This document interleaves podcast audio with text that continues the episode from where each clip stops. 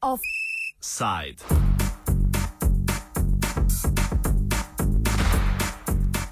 Finančne, politične in idejne prepreke, s katerimi se pravzaprav vse od ustanovitve, še posebej po zadnjem letu, sooča radio študent, so prispevale k vsaj nečemu dobremu. K preizpraševanju oblike in poslanstva radia. Mnenja in hotenja so različna tako med poslušalci, kakor tudi med samimi sodelavci radia. V teh debatah se na radio študent pogosto sklicuje kot na skupnostni radio, čeprav to vsaj zaenkrat še ni. Glede na pri, pardon, nejasno prihodnost financiranja in ustanoviteljstva radia, pa se lahko tu, to tudi prav k malu spremeni.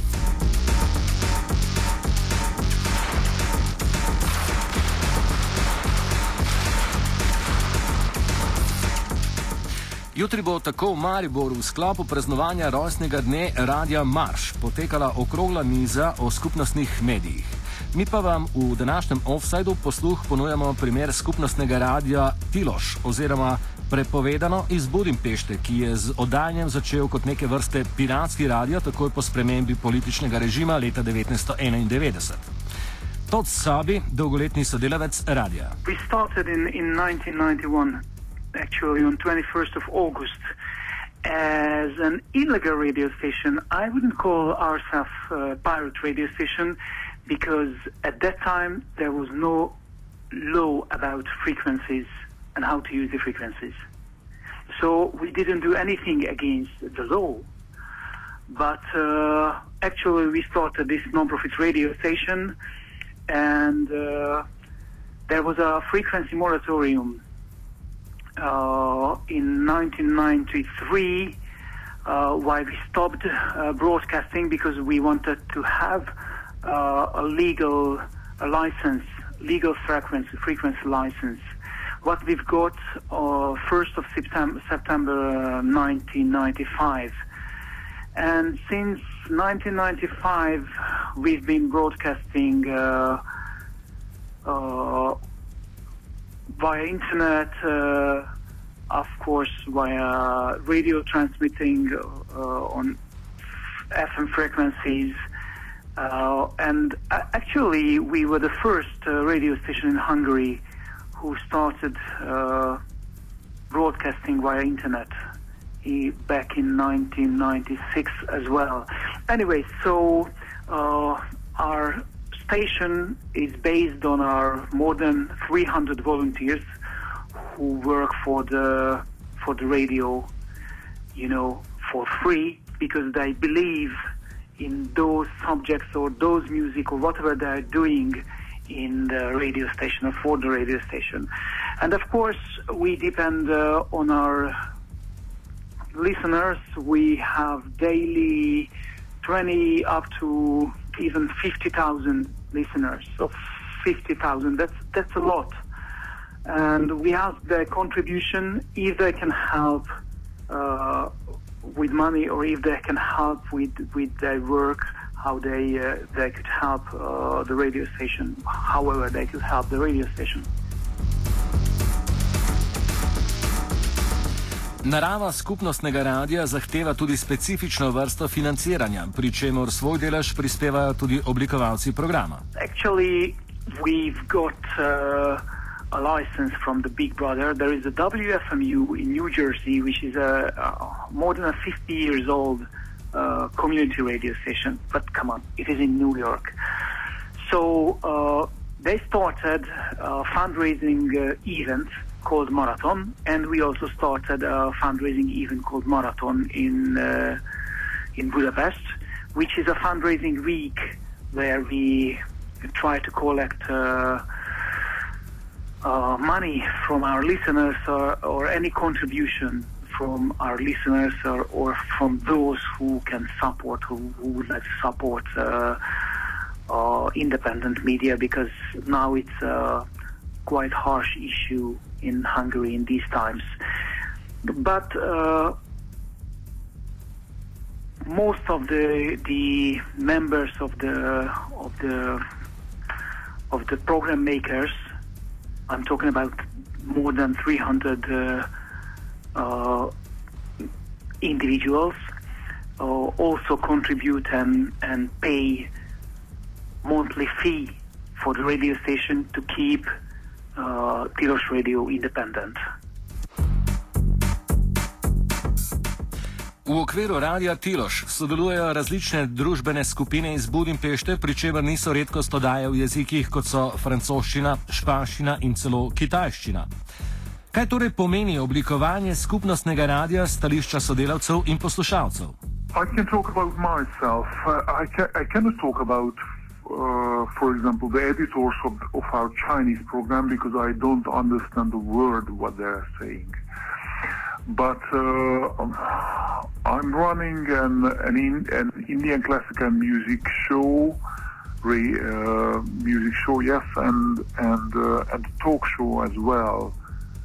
Uh, and I wanted to start this in, Indian classical music uh, program here at Tilos Radio because I didn't want, I've never wanted to to break the music because of news or because of commercials. So I wanted to have at least one and a half, two hours every week where I can uh, I can broadcast the music, whatever I believe I have to broadcast. So I think this is this is a kind of uh, uh, basic thinking at Tilos Radio. We we are volunteers uh, because if we would be paid for whatever we are doing at the radio, we wouldn't probably wouldn't do it full-heartedly. And of course, uh, social awareness and uh, and for example, representing uh, all musical audiences very, very important, as, in, as uh, also very important uh, being non-profit, public and, and transparent as well. Razmere za medije, seveda še posebej neodvisne, so se krepko zaostrile leta 2010, ko je bila sprejeta nova medijska zakonodaja z v preteklost pogledajočimi regulativami in sankcijami. Kaj se je zgodilo? Uh, very difficult question. Yes, many things.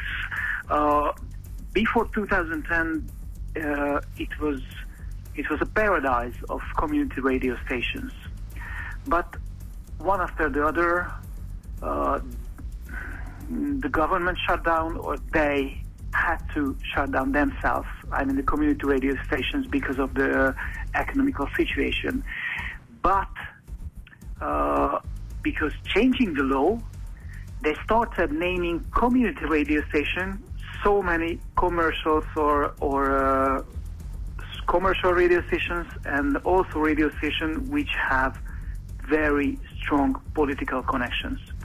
So actually, the the the government uh, can can show up huge huge numbers of community radio stations stations in Hungary right now but from our point of view, there are only two, two community radio stations left in the country, and all the others depend on uh, on their uh, advertisers and and uh, the political parties mainly the the actual ruling political parties of the of the country.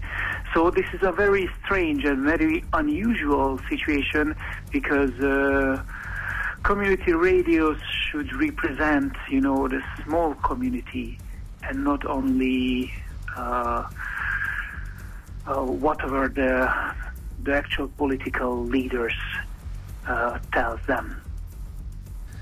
I think that I uh, that the number of community radios has uh, decreased in the year after the laws have passed uh, for nearly a half.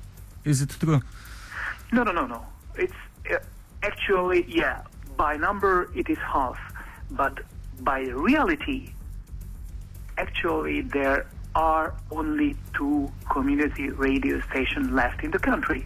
by naming the radio station because of the regulation of the new media law, there are several. But as I told you, those are not really community radio stations. Those are commercial radio stations or po- uh, radio stations with, with strong political background.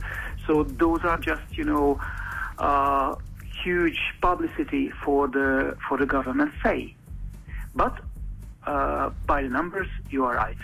It's half, uh, which is also horrible. Kaj pa sodelovanje s sestrskimi mediji po širši evropski krajini? Yes, yeah. Actually, I think since 1998, we gave so many members of the directors of the of the AMAG, the the European Association of Community Radio Stations.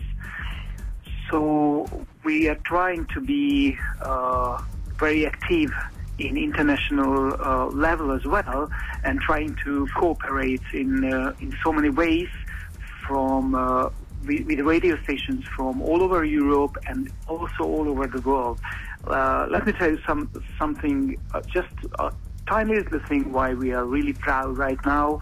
Uh, a few days ago was one year old Monkey Radio, which is a radio station started by uh, a community radio station started by an Indian guy called uh, Balasubramaniam, who who started to to do radio a, at Tilos Radio in Hungary, and now he has started his own community radio station in India.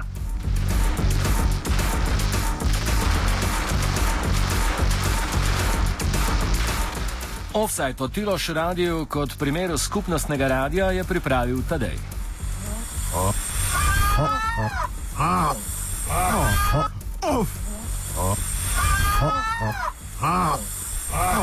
Offside.